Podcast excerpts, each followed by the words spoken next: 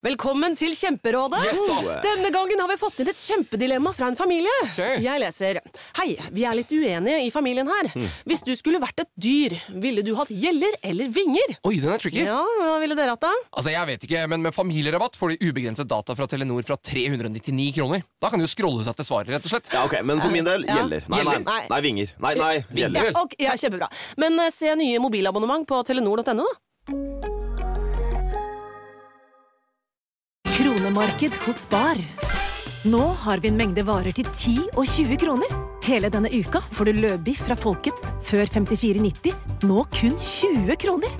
I tillegg får du et utvalgt Vasa knekkebrød, før fra 16,90, nå bare 10 kroner. Alltid tilbud på noe godt. Hilsen oss i Spar. Ready? You have the cameras rolling? He was hosting boozy parties in Downing Street. But when the president does it, that means that it is not illegal. I have a dream. We will win this election and we will change the country together. Jeg tror for 100 av afghanerne, de som bor i byer, de som bor i landsbyen, alle er enige om én ting. Det er fred de lengter etter. Velkommen! Velkommen. Mitt navn er Eirik Bergesen, Og mitt navn er Sofie Høgestøl. og dette er vårt nokså uhøytidelige, veldig personlige forsøk på å gå bak ukas nyheter, lete etter sammenhenger, si noe om framtiden, på jakt etter det store bildet, slik vi ser det. Hver fredag. Og dette er ikke en vanlig fredag, folkens. Dette er vår første sommerepisode 2023. Og da måtte vi ha en stor, populær gjest for å lokke inn nye lyttere. Og vi spurte jo våre lyttere om hvem de kunne tenke seg å ha som sommergjest. Og da var dette navnet her på toppen av listen. Eh, For med oss i studio i dag så har vi Yama Wolasmal, som kommer direkte på sommerferie i Norge, men som selvfølgelig er Midtøsten-korrespondent for NRK, og har jobbet i TV 2 før det, så jeg føler han liksom krysser av begge de broene vi prøver å krysse, Erik. Velkommen, Yama. Tusen takk, og dette er så hyggelig at jeg avbrøt sommerferien for å være med på dette. Jeg elsker energien deres, den smitter veldig over.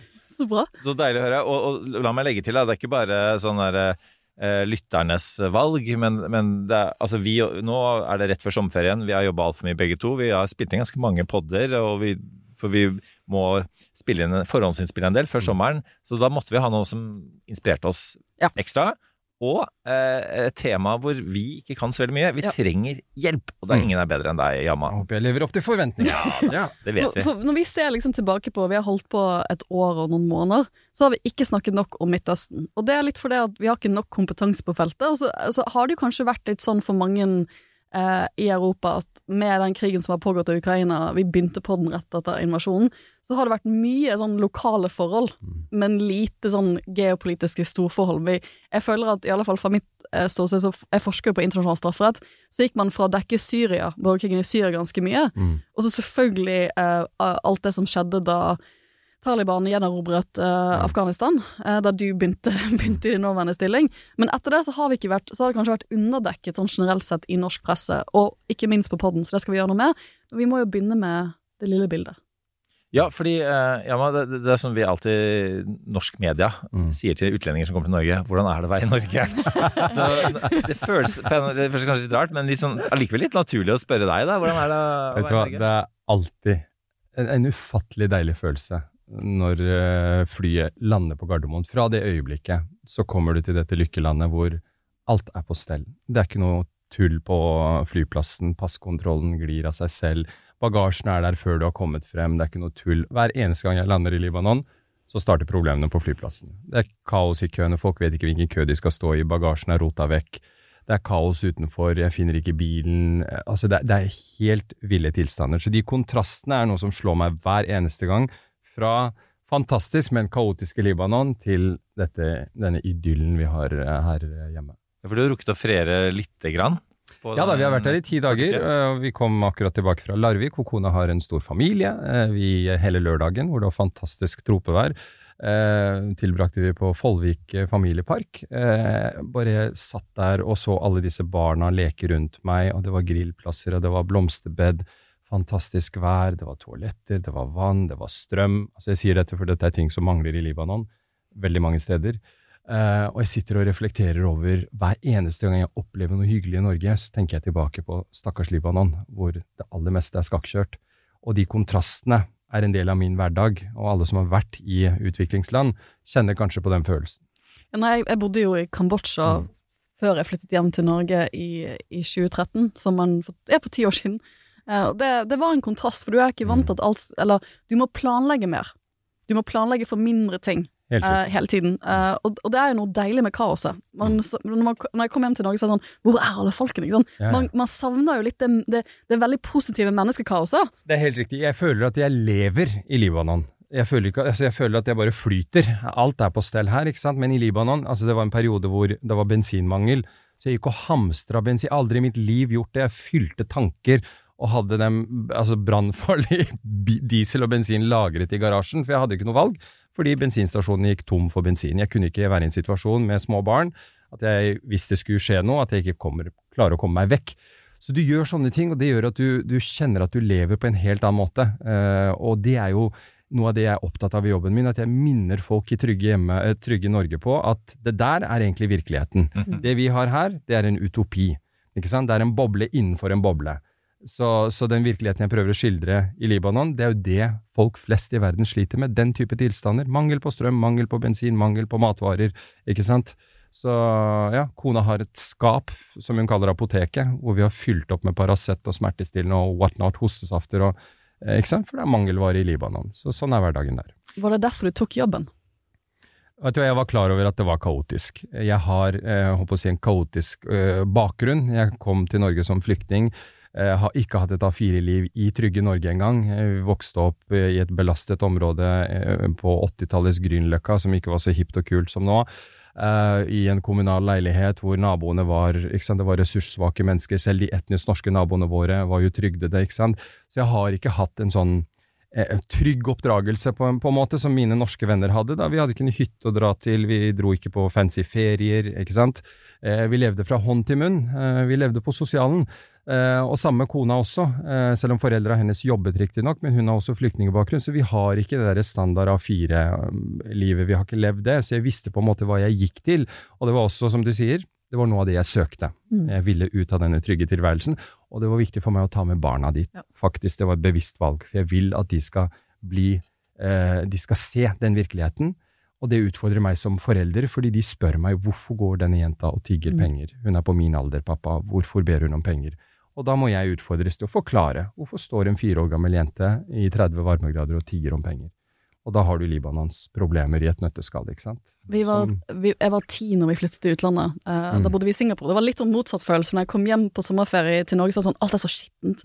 Liksom, Singapore er så, sånn ekstremt autoritært. det ene stedet som er Ja, ja. kanskje litt bedre Litt renere, ikke sant. Jeg, liksom, jeg har aldri tygget tyggegummi, for det er jo ikke lov i Singapore. Ikke sant? Hadde aldri funnet på å spytte på gata. Ikke sant? Det, det er jo sånn, da, da, får, da blir det jo slått, rett og slett. Um, så, men vi reiste jo en del eh, da vi først Vi var hjemme en gang i året, men ellers så reiste vi en del i regionen.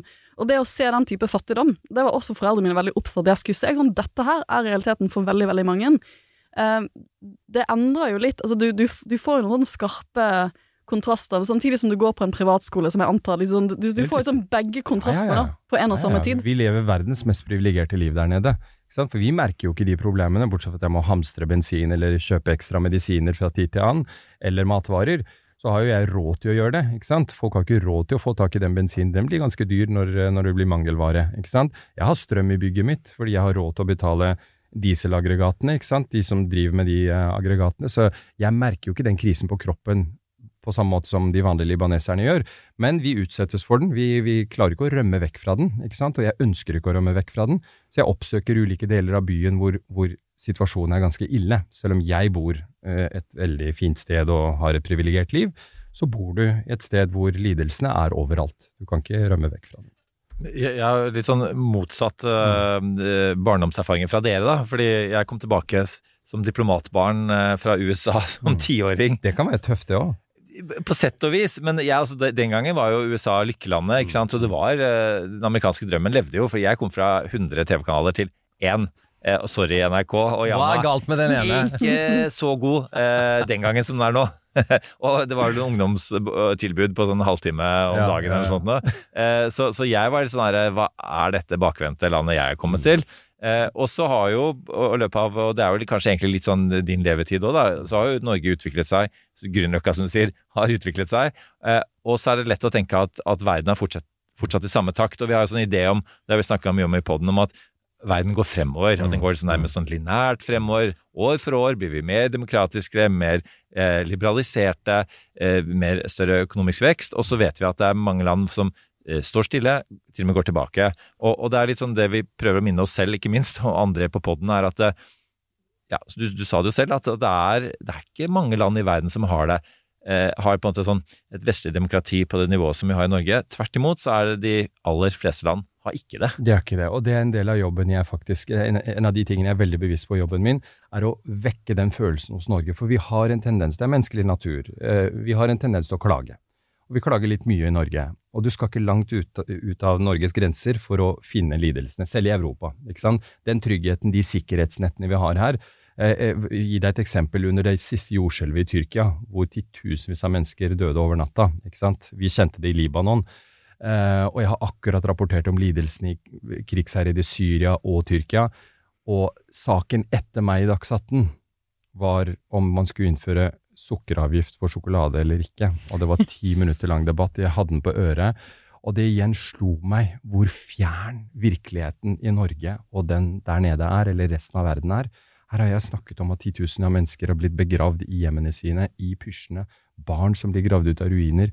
Og hva er den heteste debatt nummer to etter den saken? Det er uh, sukkeravgiften i Norge, som vi holder på med i ti minutter. Så det setter det litt i perspektiv, da.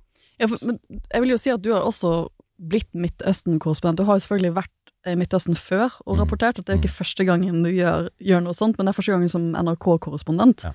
Um, og du, du reiser ut i det som blir en veldig turbulent start, som jeg husker veldig godt, for det, du reiser ut rundt den tiden hvor Taliban gjenerobrer mm. eh, Afghanistan.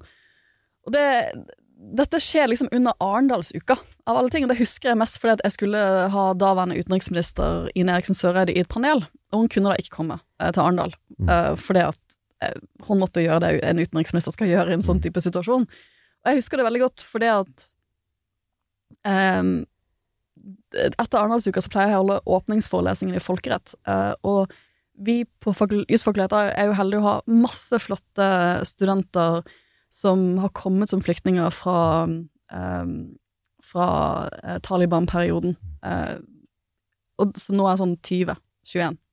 Uh, og det å holde den folkerettsforelesningen med de, de alvorstunge bildene, det var rett og slett ganske gripende, for jeg fikk ganske mange spørsmål om dette.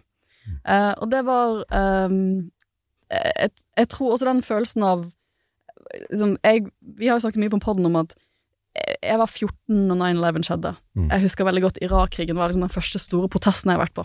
Uh, hvor jeg husker jeg tenkte sånn, hvordan kan jeg, liksom, hvorfor, Dette her er galt. Liksom, når vi snakket om våre perspektiver der. Hvordan var det å være liksom, du, du, Hadde du formelt reist ut, eller var du på vei Hadde dere ankommet Beirut, eller, eller var du på vei til å reise ut? Da, eh, da Taliban mm. tok Afghanistan Da hadde jeg vært i Beirut en stund. Ja. Um, og så var jeg på en planlagt tur til Afghanistan. Sånn, ja. Ingen av oss hadde jo regnet med Det eneste vi så, vi så en trend at Taliban var veldig offensive.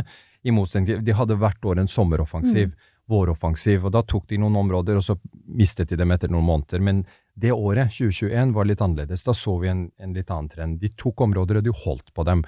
Så jeg planla en tur og tenkte dette må vi følge med på, for er, jeg tror det er noe sånn make or break-tid nå vi går inn i. Så jeg reiste dit på en planlagt tur, og fra jeg flyr fra Beirut til jeg lander i Kabul, så har plutselig Taliban tatt fire provinser. Det har ikke skjedd på 20 år, og jeg kommer inn til en helt annen virkelighet. Alle i Kabul er stressa. Og det går to dager, og de tar hele, hele Nord-Afghanistan. Elleve provinser faller i løpet av to dager. Og de står plutselig på dørstokken til Kabul. Og da er jeg gåsehud når jeg snakker om det nå, fordi det var noe ingen så for seg. Vi visste at Taliban kommer tilbake i en eller annen form, men ikke på den måten, at de, at de skulle storme mot hovedstaden. Så, så, det var helt, helt, helt uvirkelig å stå i Kabul og oppleve det. Ja, for USA trekker seg ut, og så var jo en del av eh, forventningsnivået også for så vidt, og som president Biden ble utfordret med, at mm. nå trekker dere det ut. Mm. Liksom, hvor lang tid kommer dette til å ta? Men det var vel ingen som tenkte at man snakket om dager når først den dynamikken begynte å, å melde seg? Absolutt ikke, men nå, nå, vet man jo mer ikke sant, eh, rundt hva som skjedde den dagen Taliban stormet inn i Kabul. Dette var jo en, en, en, på en måte en prosess som startet for omtrent seks måneder siden. ikke sant? Amerikanerne trakk kritisk støtte til afghanske styrker allerede i januar det året. ikke sant? Da snakker vi om flystøtte, logistikk. Det er et fjellrikt land med 34 provinser Afghanske styrker hadde ikke sjanse i havet til å holde på de områdene de hadde, uten den amerikanske flystøtten. Så når den blir trukket, så er det som du trekker pluggen. Og da faller moralen til de afghanske styrkene. Det gir Taliban mulighet til å liksom storme inn, ta provins etter provins. Så det lå litt i kortene, det vet vi mer om i dag, men der og da så var det et sjokk hvordan det utartet seg. Og her må vi legge til at uh, det Afghanistan er ditt hjemland. Og at på en måte er det sånn en flyktning krysser sine spor. Eh, Du er, er tilbake der og jeg opplever eh, en, en nok en fase da, Mm. i, i, Afghanistan. Så du, du eh, Liv, og du har, har jo slekt, venner der. Jeg har masse familie der, og det er et land som alltid Selv om jeg ikke husker, har ikke noe minner fra Afghanistan. Jeg var tre måneder gammel da russerne kom, og vi flyktet til Pakistan sammen med millioner andre afghanere. Så jeg har ikke noe minner fra Afghanistan, men foreldrene mine har sørget for at vi har hatt tette bånd til landet likevel. Faren min tok oss med sist Taliban styrte landet. Ikke fordi han støttet denne gruppen, men fordi det var relativt trygt sikkerhetsmessig. Men det kan sammenlignes som om en, en syrisk far skulle ta med familien sin til IS eh, Syria, ikke sant? Eh, det hadde jo vært en ren barnevernssak hvis barnevernet hadde funnet ut på den tiden, sant? men sånn tenkte man ikke på den tiden. Sånn, jeg har hatt et tett forhold til det landet, jeg har reist dit under de ulike konfliktene, jeg har reist dit som journalist, og når jeg står der 15. august og ser Taliban storme inn i hovedstaden igjen, så går det jo en million tanker sammen med de sju millioner andre afghanerne i Kabul om hva folk har i vente nå. Og grunnen til at, og det var jo første gang jeg brøt sammen på TV, eh, ukontrollert i de timene jeg gikk live, eh, tårene tvang seg frem, eh, jeg var, hadde ikke oversikt, eh, så folk, så de lidelsene, så det folk fryktet ville skje, og grunnen til at jeg brøt sammen er fordi sist Taliban stormet inn i hovedstaden, så gikk de på en hevntokt. De gikk fra hus til hus og jaktet på alle som hadde stått eh, i kamp mot dem.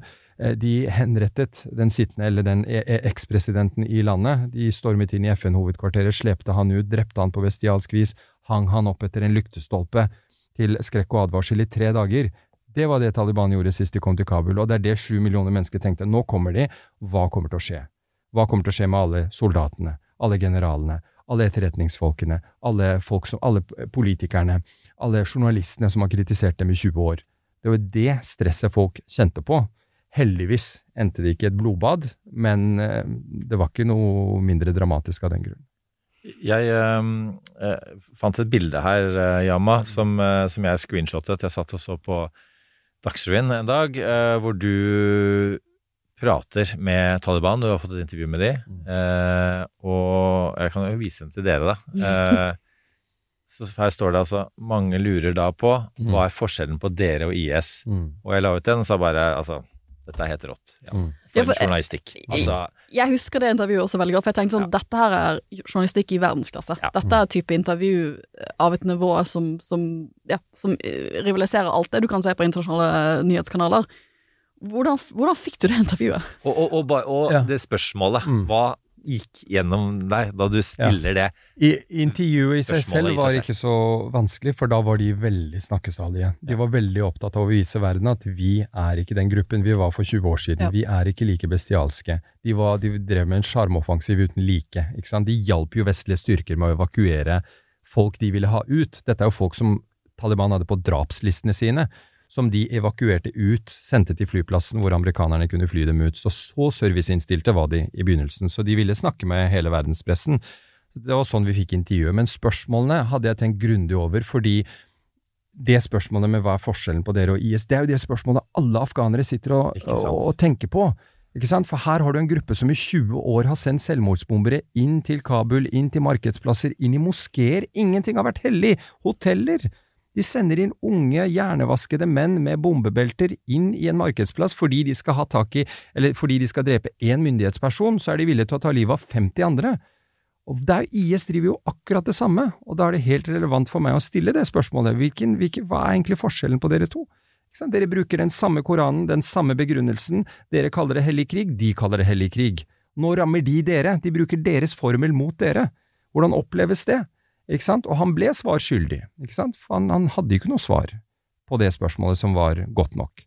Så jeg er nødt til å stille de spørsmålene. Jeg stiller ikke spørsmål bare på vegne av norske seere, men jeg er opptatt av å stille spørsmål på vegne av de menneskene som lider under disse, eh, disse, eh, disse lederne. Og han forstår jo at, at du er, har afghansk bakgrunn også. Mm. Hvordan blir du møtt eh, ved å på en måte være en, da, en, en med afghansk bakgrunn, men, med en vestlig eh, Ledelsen er ganske pragmatisk. Ja. De viser ikke noen fordommer, de tar meg imot med åpne armer. eh, Veldig, veldig fin eh, dialog med Taliban-ledelsen de årene jeg har dekket Afghanistan. Det er verre med fotsoldatene, som er hjernevasket. De ser på meg som avskum. Altså, de ser på meg som en som har solgt sjela si. Hvorfor er du i utlandet, sier de. Har du det passet deres også? Jeg bare, jeg har vokst opp der. Så du har passet til de vantro eh, nordmennene? Jeg bare, ja. Ja, hvordan føles det å gå fra troen din, gå fra landet ditt eh, og forlate alt, og gå og leve det gode livet der? Så fotsoldatene har et sånt hat overfor Vesten, og alt Vesten står for.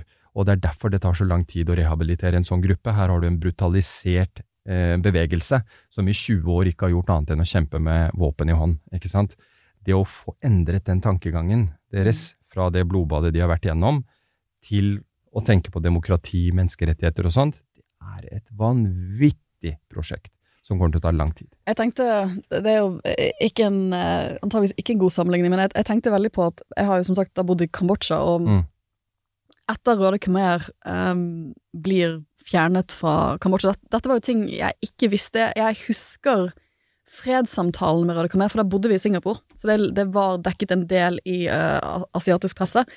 Men etter at de blir oustet da fra makten, så går de egentlig inn i en sånn, en sånn militstilværelse på grensen til Thailand, hvor de har en del maktbaser, eh, og er aktive til 90-tallet, hvor man da må gjøre en sånn forsoningsprosjekt. Da, da snakker vi om 20 år. Eh, og det tar jo ti år lenger enn det å begynne en rettsprosess, og det er heller ikke til å stikke under en stol at mange av de som sitter i maktposisjoner i Kambodsja i dag, har jo røtter fra Røde Khmer. Og sånn er det nesten alltid. Det er tanken med at man skal liksom kunne gå videre eller ikke Dette er jo noen av de vanskeligste spørsmålene så, i internasjonal strafferett, menneskerettsforskning, sånn, hvordan eh, demokratiforskning, sånn, hvordan, hvordan reintegrerer man en gruppe på den måten som gjør at man kan gå videre eh, og, og, og, og demilitarisere de på samtidig. Det er Ja. kjempevanskelig. Det er veldig vanskelig, og jeg tror noe av nøkkelen her, hvis vi i det hele tatt skal klare å starte den prosessen, så må vi, vi er nødt til å se det litt fra Talibans perspektiv. Jeg liker å være litt sånn djevelens advokat i min jobb. Selv om dette er en gruppe som vi hadde stemplet som en terrorbevegelse, med god grunn, så sitter de nå med makten, og for å forstå dem, så er du nødt til å forstå psyken deres. Hva har disse gutta vært igjennom? De fotsoldatene jeg snakket om, som ser på meg som avskum, jeg har snakket med dem, og hver og en av dem har ofret familiemedlemmer i kampen mot amerikanerne, i kampen mot okkupasjonen.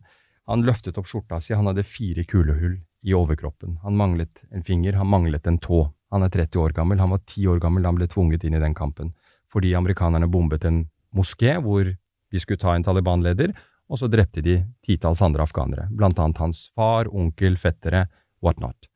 Eh, så hver og en Taliban-soldat har en sånn tung historie, og det kommer til å ta tid å hele de sårene. ikke sant? De sitter nå og svever på en sky.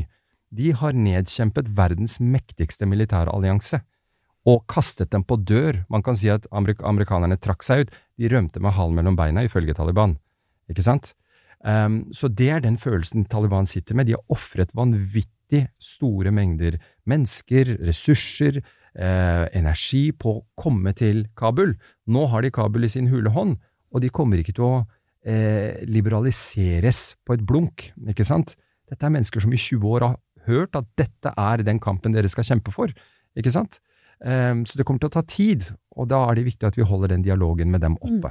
For det tok da som sagt 20 år Mm. uh, før Altså det var i 1999 Mm. at uh, daværende regjering i Kambodsja kom til en enighet med Røde Kanne Ja, om, ja. om å legge ned våpen, liksom, og Mm. komme ut av busken, prøve å reintegrere seg. Ja. det, og det viser jo bare så Og når jeg var der i 2013, sant, hadde ikke kommet Jeg, jeg tror man jeg tror en, Det er mange ting som helt klart har gått veldig, veldig feil i, i um, i uh, Vestens innblanding i Afghanistan, men en av de er det tidsperspektivet. Liksom. Man har ingen forståelse for at tanken på at demokrati skal vokse fram etter to år, er Ja, ja, ja, totalt ja. urealistisk. Det, Men- det tar Absolutt. Jeg må bare legge til en ting, fordi du snakket om Kambodsja og, og, og forsonings... Det var aldri en forsoningsprosess i Afghanistan. Da Taliban ble jagd på dør, så tok det amerikanerne tre uker å ta hele landet. Ikke sant? Det var så kjapt. Det falt sammen som et korthus. Da lå de med brukket rygg.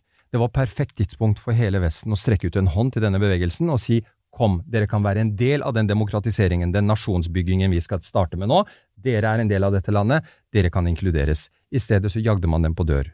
Det var smoke them out på policyen til Bush. Da gikk man fra landsby til landsby, jagde disse folka rundt, henrettet dem, sendte dem til Guantánamo, sendte dem til black sites. Det gjorde at kampviljen hos dem vokste, og det er flere naboland som var villige til å støtte Talibans kamp. Og sånn vokste de frem til det monsteret de ble til slutt. Så man skjøt seg selv i foten. Det var aldri snakk om forsoning med Taliban. Man kunne løst krigen i Afghanistan på en helt annen måte tilbake i 2005. Mm. Men det var ingen vilje til forsoning. Det var hevn man skulle ta på 9-11-folka. Ja, ikke sant. Og, og, det, og det, hvis vi da spoler tilbake Mm. til, eh, til 9-11 Mm. eh, da, da satt jeg på ambassaden i Washington Mm. eh, og, og på en måte kjente litt på det traumet som amerikanerne kjente på. Og de var de var, eh, selv om det var helt åpenbart selv da at, at det ikke var Saddam Hussein som sto bak, så tenkte de at han kan fort være en av de som eh, slipper en atombombe over hodene deres. Han skal vi ta. Um, eh, og, så, og så går man jo inn i Afghanistan, og så heldigvis, da var jeg i sekretariatet til, til Jan Petersen som utenriksminister, heldigvis var Norge ikke med eh, eh, på, på den operasjonen i eh, Irak. Um, men, men selvfølgelig, vi er jo involvert. Eh, og, og hele poenget med for så vidt begge deler var å ja, En ting er å unngå den atombomben, men rett og også redusere risikoen for nettopp det vi så, terror Mm. mot vestlige mål. Eh, få færre og ikke flere terrorister. Men hvordan hva, hva, altså, du, er, du er inne på det. Hva, hvis vi ser på fasiten eh, nå i dag vi, Man lyktes vel ikke akkurat med, med, med det målet? Erik, jeg blir stadig forbauset over USA som en stormakt som har, og dette vet du alt om, og begge dere to vet det, den kompetansen USA besitter på all verdens områder. De har verdens beste hoder som jobber med Midtøsten, med Irak. Hvem som helst av de ekspertene kunne fortalt dem at Saddam Hussein var ikke en mann som støttet terror. Han støttet ikke terrorister, han, han jagde terrorister på dør, for han fryktet dem, han fryktet islamistene mer enn noe annet. Så var det én gruppe som aldri på en måte fikk tilhold i Irak, så var det Al Qaida. Dette kunne hvem som helst fortelle amerikanerne, likevel så går man til angrep på det landet under påskudd av at de støttet terrorister, og de utgjorde en terrortrussel mot, uh, mot USA. Så bare der faller ting litt sammen, og vi så jo den katastrofen det ble, ikke sant? Trenger ikke å gå inn på hva, konsekvensen av Irak-krigen, men det var jo en krig som ikke bare ødela Irak, det ødela hele regionen. At ingen av disse ekspertene til amerikanerne kunne forutse det. At greit, Saddam Hussein Det å fjerne en diktator er den letteste tingen i verden for en supermakt som USA. Det har vi sett i Libya, vi har sett det i Irak, vi har sett det i, i, i Afghanistan. Det tar dem noen uker, så er hovedstaden i hendene på amerikanerne. Men det man gjør etterpå, er det som forbauser meg gang på gang. Man, man velter en diktator, og så gjør man helt grunnleggende feil. Hvorfor er det sånn å se egentlig litt på dere begge? Altså, Hvorfor ender man der igjen og igjen og igjen? Eh, og hva er det som gjør at man skal tenke at det skal vi unngå, eh, enten når det gjelder Russland, eller vi skal unngå det når det gjelder Kina? Det gjør meg litt uh, urolig. I, i, i, min jobb, Veldig så- I min jobb når jeg jobber i Midtøsten, så er det naturlig nok i min rapportering så blir det mye formidling av kritikk av USA, ikke sant? Og det er med god grunn. Uh, ref Irak og Afghanistan og, og, og Libya. Men jeg, jeg tar også amerikanerne litt i forsvar, fordi det er litt sånn damned if you do, damned if you don't, ikke sant? De gikk inn i Afghanistan, fjernet Taliban. Hele prosjektet gikk til helvete på grunn av ulike ting. Irak satte hele Midtøsten i fyr. Libya, hvor man gikk inn under påskudd av at som menneskerettigheter og man skulle unngå et folkemord fra Gaddafis side, det landet er totalt anarki nå, ikke sant? Og så har du Syria, hvor Obama tok et standpunkt. Hele verden sa nå må du gripe inn i den borgerkrigen, og han sa nei, jeg skal ikke gjøre det. Gjorde ikke det, og så fikk kritikk for det også.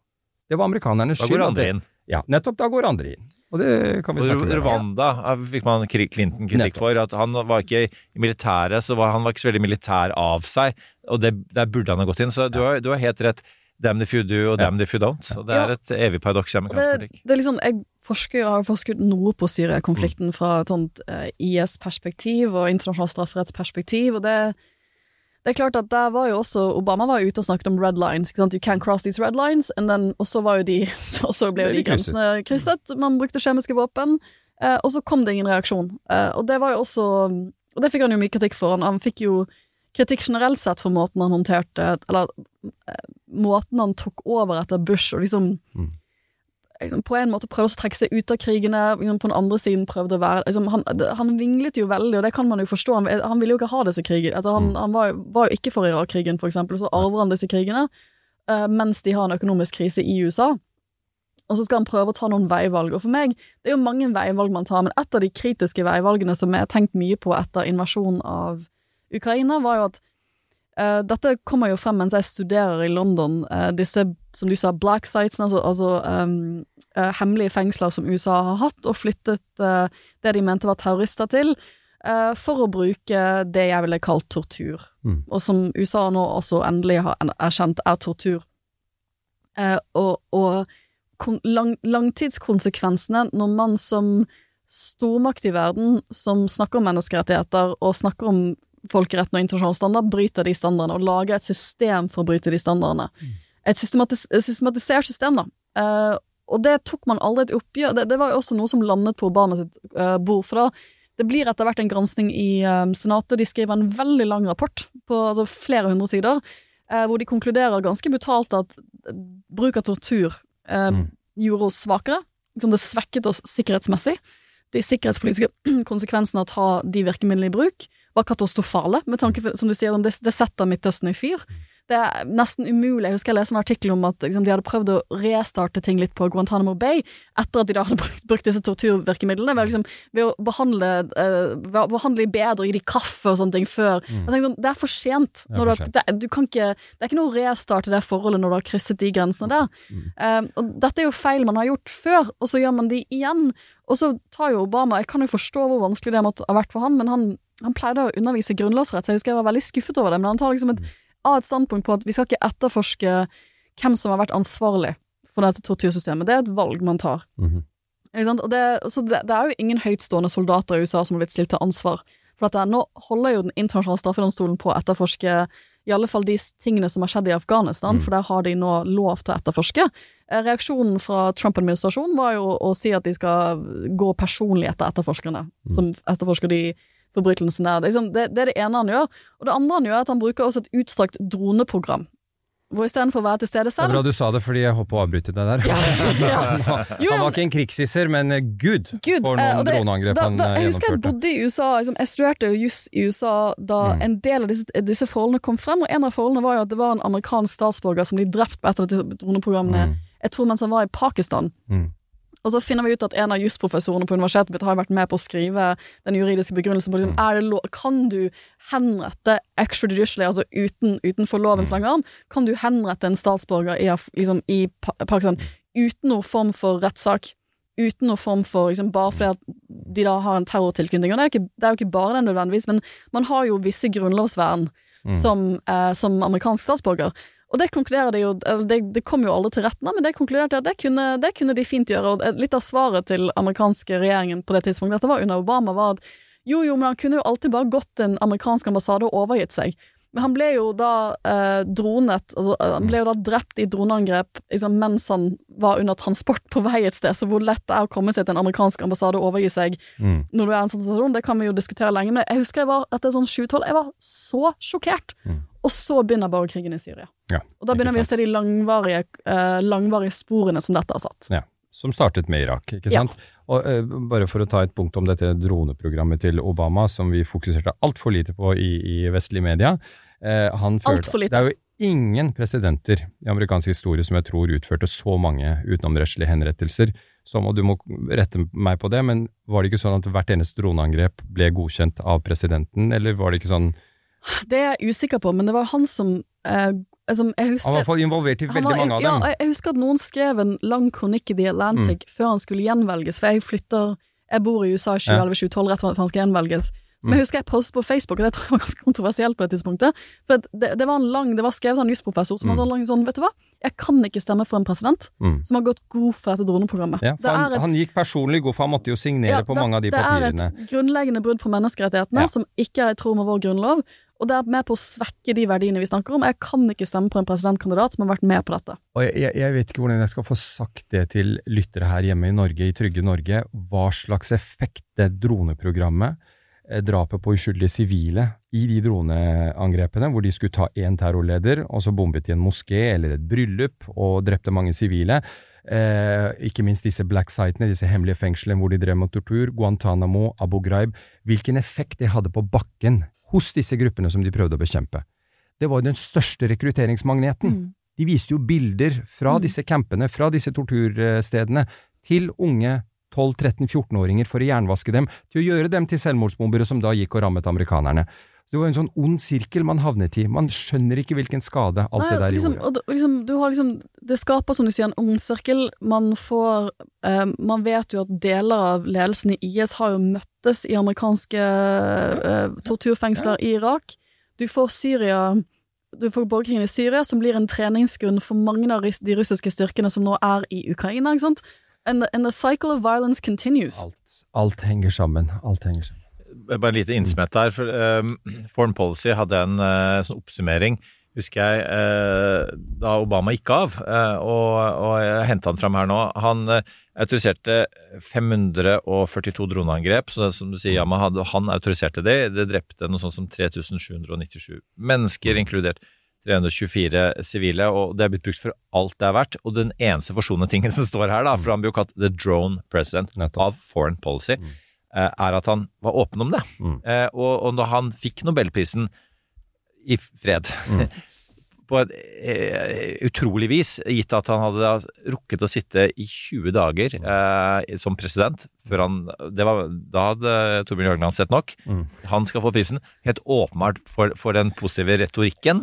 Eh, og så vet vi som, som følger po politisk retorikk, at, at det er egentlig bare eh, har noen betydning når du bruker det for å få gjennom politisk handling. Eh, og, men så kommer han til Norge, og så, eh, etter å ha vurdert veldig om han helt skal, skal godta den eh, han, en, en av mine friends in low places den gangen sendte meg, som, som var tett, tett på Obama, etter hvert, som, som da som sendte meg en tekstmelding som sa bare 'thanks, but no thanks'. Ja. Eh, men så kommer han Han holdt seg for nesa da han tok den prisen. det, det, det, det er den beste beskrivelsen, og han, han, det han i realiteten gjør, er at han holder en, en eh, fredstale om krig, Mm. rettferdig krig. Eh, Og dette er jo noe som han oppfattet da som rettferdig krig, men rettferdig krig er jo også krig. Absolutt. Eh, og, og, og det er jo og, og den Krig har jo ligget ganske høyt på, i verktøykassen da, mm. til ham i USA, og dessverre høyere enn diplomati, fredsdiplomati, mange ganger, spesielt i Midtøsten. Det er så lett. Det er Ja, så lett å gjennomføre det som en stormakt. Du trenger ikke å svare for noe. De har argumentene sine klare, de vet hvordan de skal håndtere pressen, de vet hvordan de skal rettferdiggjøre det. Han sto på talerstolen under fredsprisutdelingen og rettferdiggjorde krig. Ikke sant? Dette kan amerikanerne, og derfor er de ikke så bekymra for de angrepene ofte. Eh, Det jeg er opptatt av når jeg jobber i Midtøsten, og jeg dekker alt det her, er jo dette hykleriet som millioner av mennesker føler på i Midtøsten. Her har du stormaktene i Vesten som snakker varmt om menneskerettigheter og liksom unngår Altså, de, de, de, de hopper på enhver mulighet øh, de har til å kritisere russerne for menneskerettighetsbrudd, men så inngår de avtaler med samme regimer i Midtøsten som bryter de samme menneskerettighetene. Men de er allierte. De skal man ha gassen til, de skal man ha oljen fra, de skal man selge våpen til. Ikke sant? Folk er ikke dumme, det er 400 millioner mennesker i den regionen jeg bor, de ser dette. Altså, hykleriet blir helt innlysende. Så neste gang USA snakker om menneskerettigheter, så faller det for døve ører over hele den muslimske verden, for man vet om Guantánamo, man vet hva vestlige land er villige til å gjøre for å tjene sine egne interesser. Da bøyer man og tøyer man på alt av folkeretten og, og menneskerettigheter og alle andre internasjonale regler. og jeg kan liksom, jeg kan ikke dy meg fra tanken. Det husker jeg tenkte under droneprogrammet som sa underdekket i vestlig presse. ikke sant? Eh, Obama har fått sjokkerende lite kritikk for det. Sånn i, i, sitt ettermæle. Jeg man skulle, jeg tror når man snakker om Obamas ettermæle, så er ikke det dronepolitikken man snakker om. Ja, det er en parentes. Det er en parentes, men kan du tenke deg hvis noen skulle begynne med droneangrep i et europeisk land? Ja. At plutselig bare skulle en drone komme og skyte opp en, en kirke, da, Mm. med masse mennesker. Hva reaksjonen hadde vært, for man snakker jo mye om sånn suverenitet, for eksempel. Hva Ja, ja. reaksjonen hadde vært hvis noe sånt skulle skjedd i en annen region, da. Eh, og, det, det, det, sånn- det, og da, for da tøyer man jo eh, og det, liksom, Her kan man snakke mye om folkerett. For at, dette får jeg jo selvfølgelig spørsmål fra mine smarte studenter om hver Mm, eneste mm. gang vi snakker om dette. Hvordan, hvordan kan du få liksom, hva, eh, Hvordan kan da vest For alt henger jo, som du sier, sammen med alt. Og dette, hvem er det som snakker mest om dette nå? Jo, det er Putin. Helt riktig. Ikke sant? For Og han avskriver vi som en diktator, og han er en diktator, han er en brutal fyr, han har brutt folkeretten, han har invadert et naboland, ingen tvil om det. Men en del av det Putin sier, rent faktisk stemmer det, og han retter søkelys på det, men hjemme i Norge så får ikke det noe gehør fordi det kommer fra Putins munn. Men det er vår jobb som journalister å faktisk rette søkelyset på de tingene. Og jeg, jeg tror også at i et et større perspektiv, sånn, hvis vi skal prøve å tenke at vi skal vi må, liksom, hva, er, hva skal verden videre være? Ikke sant? Mm. Hvilken rolle skal vi spille i den? Så kan vi ikke være en passiv aktør, for eksempel for tortur. Det kan vi ikke være, for vi ser hva det, hva, hvilken frø det sår i et langtidsperspektiv. Mm. Ikke sant? Og for det kommer tilbake igjen. Det kommer alltid tilbake igjen. Og det er sånn, når vi snakker om, det, er liksom, det har jeg vært litt opptatt av nå, når vi snakker om at, hvor viktig det er å forsvare folkeretten um, i denne konflikten som er historien med Russland nå, så må vi tenke sånn, ok, men hva gjør vi? Are we walking the talk, ikke sant? Har vi ratifisert? Vi snakker om at, at Putin skal stilles for retten for uh, aggresjonsforbrytelsen. Har vi, vært, har vi ratifisert uh, den forbrytelsen i vår lovgivning? Nei, det har vi ikke. Det Vi har ikke ratifisert den. Eh, Ok, Kan vi egentlig snakke om at Putin skal stilles for en spesialdomstol for aggresjonsforbrytelsen, når vi ikke har vært villige til å underkaste våre egne ledere de reglene? Mm. Nei, det kan vi ikke. Og det er en del, det er en del sånne, sånn, Vi må ta en del sånne grep nå, for vi kan ikke snakke om den type verdensorden lenger. Jeg tror ikke den type dobbeltmoral kommer til å bli akseptert i fremtiden. For nå skal vi prøve å vri dette om til noe litt positivt. Ja, ja. For eh, vi, vi hadde jo utviklingsministeren på podden for eh, en, en stund tilbake. Hun snakket jo om at hvis du reiser ut i verden nå som hun, hun da gjør, så, så blir du møtt med en litt annen type du, det, det ting, nå, nå skjer det ting maktbalansemessig i verden, og en av de tingene er du ser at du ser at vest, hvis du- kommer som vestlig leder, så blir du ikke møtt på den samme type måten du kanskje ble gjort for ti år siden. For maktbalansen i verden er i ferd med å endre seg. Og vi ser jo også at uh, Vi ser jo sånn, Vi er ikke Midtøsten-eksperter, men en av de tingene vi har merket oss eh, siste året, er jo for eksempel at du, du, du, Det virker som du møter eh, stormakter i Midtøsten, for Midtøsten har jo store, viktige land sant? som har en annen type selvsikkerhet enn før, og ikke er like interessert i vestlige samarbeidspartnere. Det er plutselig Kina som reiser og, forhandler eh, fredsrelasjoner i Midtøsten, det er ikke USA. Nei, det er, vet du, det er en ufattelig spennende tid. Altså, jeg, jeg, det er ikke nok timer i døgnet eh, for min del til å kunne dekke alt det her. Jeg skulle snakket om dette på inn- og utpust. Det er så mye, det er virkelig en historisk, sosial, politisk omveltning på gang i Midtøsten. Eh, hva er bakgrunnen for det? En av grunnene til det er at under Obama så vendte USA ryggen til Midtøsten. Da var man ferdig med kaoset i Irak, man prøvde å trekke seg ut, ville ikke engasjere seg i Syria, eh, fokuserte på kampen mot Kina. ikke sant? Man skulle liksom tenke på Fjerne Østen. Og Det merket land i Midtøsten, som i 70 år har fått støtte fra USA på ulikt vis, og nå skjønte de at amerikanerne ikke svarte på telefonene deres engang. Og da tok de grep. ikke sant? Her har du land som Saudi-Arabia, Emiratene, søkkrike, ambisiøse land, som tar grep og sier vet du hva, nå må vi rydde opp i våre egne problemer. ikke sant? Og setter i gang den prosessen som vi nå er vitne til. Hva er det som skjer? Nå har Saudi-Arabia for eksempel nylig inngått eh, normalisert forholdet sitt til Iran, altså et land de har vært i åpen, skjult konflikt med i 40 år. Over 40 år har de kjempet fire-fem Sånne praksikriger, som man kaller det. Praksikriger, åpen ordkrig mellom de to landene, ikke sant? Det er, det, det, det er vanskelig å beskrive den historiske omveltningen det faktisk er. Og så klarer kineserne å få dem til å møtes og signere en avtale som gjør at de åpner ambassader, og finansministeren i Saudi snakket om at nå skal de investere i Iran. De skal hjelpe iranerne med å selge oljen deres. Dette er et land som er underlagt verdens strengeste sanksjonsregime. Hvordan skal vår nærmeste allierte i Midtøsten, Saudi-Arabia, klare å omgå det sanksjonsregimet? Altså, det er et vell av spørsmål som dukker opp, men de lederne er fast bestemt på at Iran skal inn i varmen. Hvorfor skal de det? Fordi Saudi-Arabia for eksempel er interessert i å roe ned konfliktnivået i Midtøsten. Disse to kjempene er involvert i Irak, i Libanon, i Syria, i Jemen. På ulikt vis. husker hvis, de, hvis de blir venner, så klarer man å potensielt sett få slutt på ganske mange konflikter, som igjen kan danne grunnlaget for en økonomisk utvikling som er sårt tiltrengt. Og det er grunnen til at veldig mange faktisk heier på denne diktatoren i Saudi-Arabia. Ikke sant? Han er autoritær, han fengsler kritikerne sine for en twittermelding, gir dem livstidsdommer for det, men på den andre siden så har han skapt en optimisme i Midtøsten som er Vi, vi har ikke sett maken. Ja, for jeg har masse spørsmål om MBS, for jeg tror faktisk han og jeg er like gamle. Vi har tatt litt forskjellige karriere, karriereveier. Jeg skulle egentlig lese en bok altså Samboeren min leste en bok om han for noen, for noen måneder siden, men vi holder på å flytte litt Forklar litt hvem vi snakker om, ja. Sofie. Mohammed bin Salman, kronprinsen i Saudi-Arabia. Eh, Faren hans er konge, men i praksis så er det han som styrer Som styrer landet. selv. Han er vel 37 nå, Ja. hvis ikke jeg tar helt feil. like gammel som Sofie, Ja. sa Mm. Sofie. Ja, Ja, ja, og det, og det, og det Og der slutter vel eh, vi, har ikke, vi har ikke så mange lignende erfaringer utover det, tror jeg. Ikke interessert i fotball, ja, for nå Sofie har blitt veldig interessert i fotball nå i Ja, ja. siste. Men, men han leser en, en bok om, om han, for han er jo en utrolig Han er jo sånn Det er ikke så mange på, på min generasjon som er født på 80-tallet som former verden så mye som det han gjør akkurat nå. Um, og jeg skulle lese den boken, men vi holder på å flytte, så den er gjemt bort i en eller annen kasse. Jeg har ikke funnet den. Men, uh, men den skiller liksom denne unge, ambisiøse mannen som greier å navigere etter veldig komplekse prins- og kronprinssystemet som jeg ikke skjønner så mye av. For han er jo egentlig ikke Han er ikke den arver... Han, han greier på en eller annen måte å han, posisjonere han var ikke i nærheten av arverekken. Ikke sant? Ja, pappaen hans var eh, kronprins, men Saudi-Arabia har fulgt en veldig streng arverekkefølge i 75 år siden det kongedømmet så dagens lys. Eh, og da er det liksom broren til kongen som enten overtar, eller nevøen. ikke sant? Så det har gått den veien. Han var sønn til kongen, men han sto ikke i den, eh, i den rekken. Han brukte brekkjern, rett og slett, eh, og tvang seg inn i den rekken ved å kuppe makta.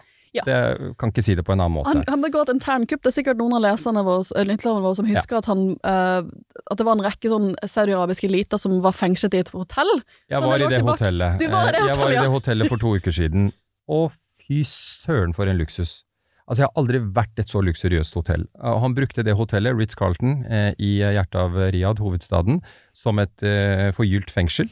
Eh, han sendte inn sine fettere, de nærmeste prinsene, de mektigste prinsene, inn dit, og fikk nasjonalgarden til å omringe hele stedet etter at han tok makta, og loppet dem for nesten altså, milliarder av kroner. Saudi-arabiske myndigheter gikk ut etterpå. De fremstilte dette som kampen mot korrupsjon. Ja.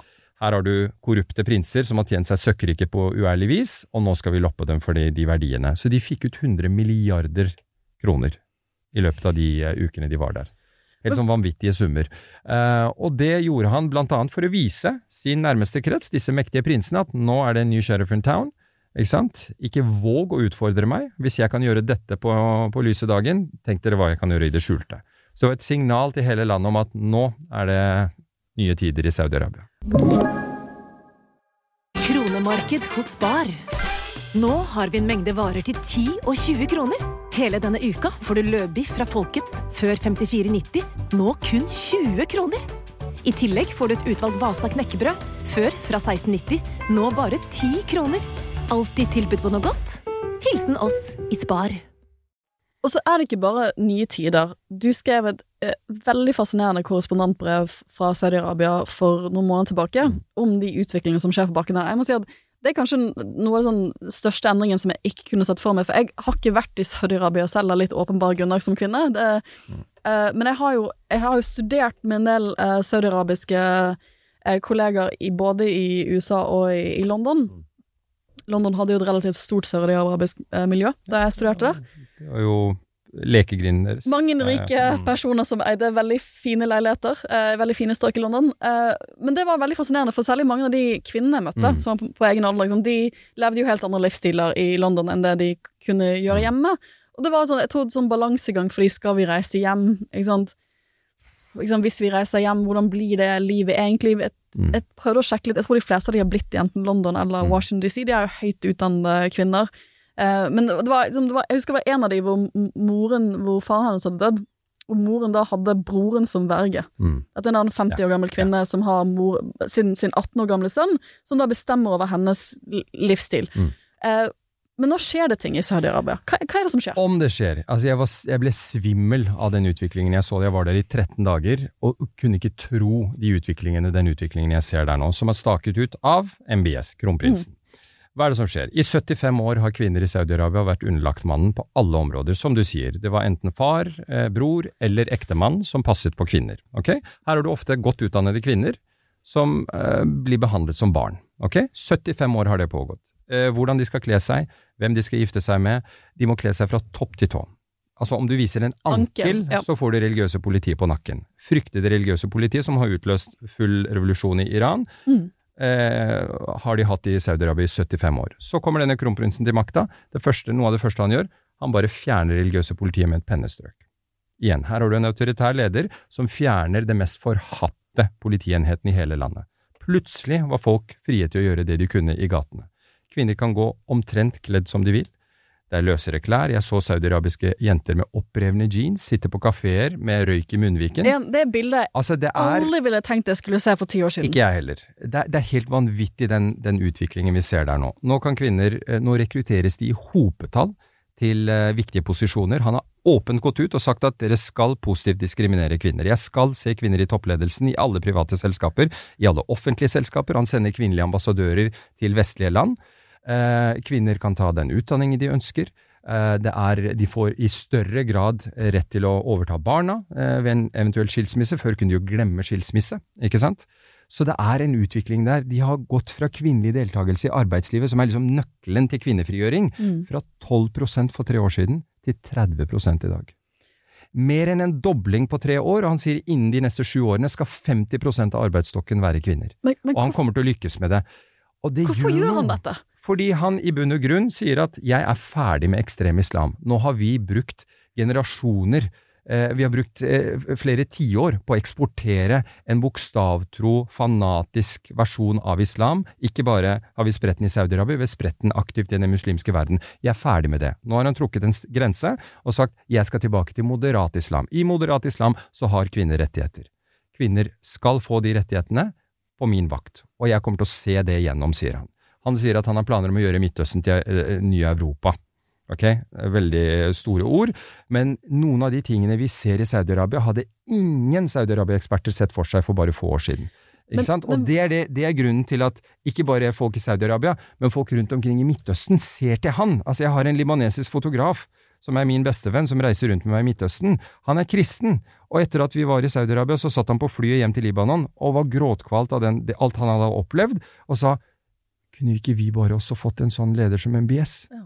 Og det oppsummerer den følelsen mange i Midtøsten sitter med. Jeg, jeg syns det er så spennende, for han, han Folk kan er klar over at han er diktator, Ja, ja. men de ønsker han likevel, for han har en visjon! Jeg, s- Det har manglet i den regionen der.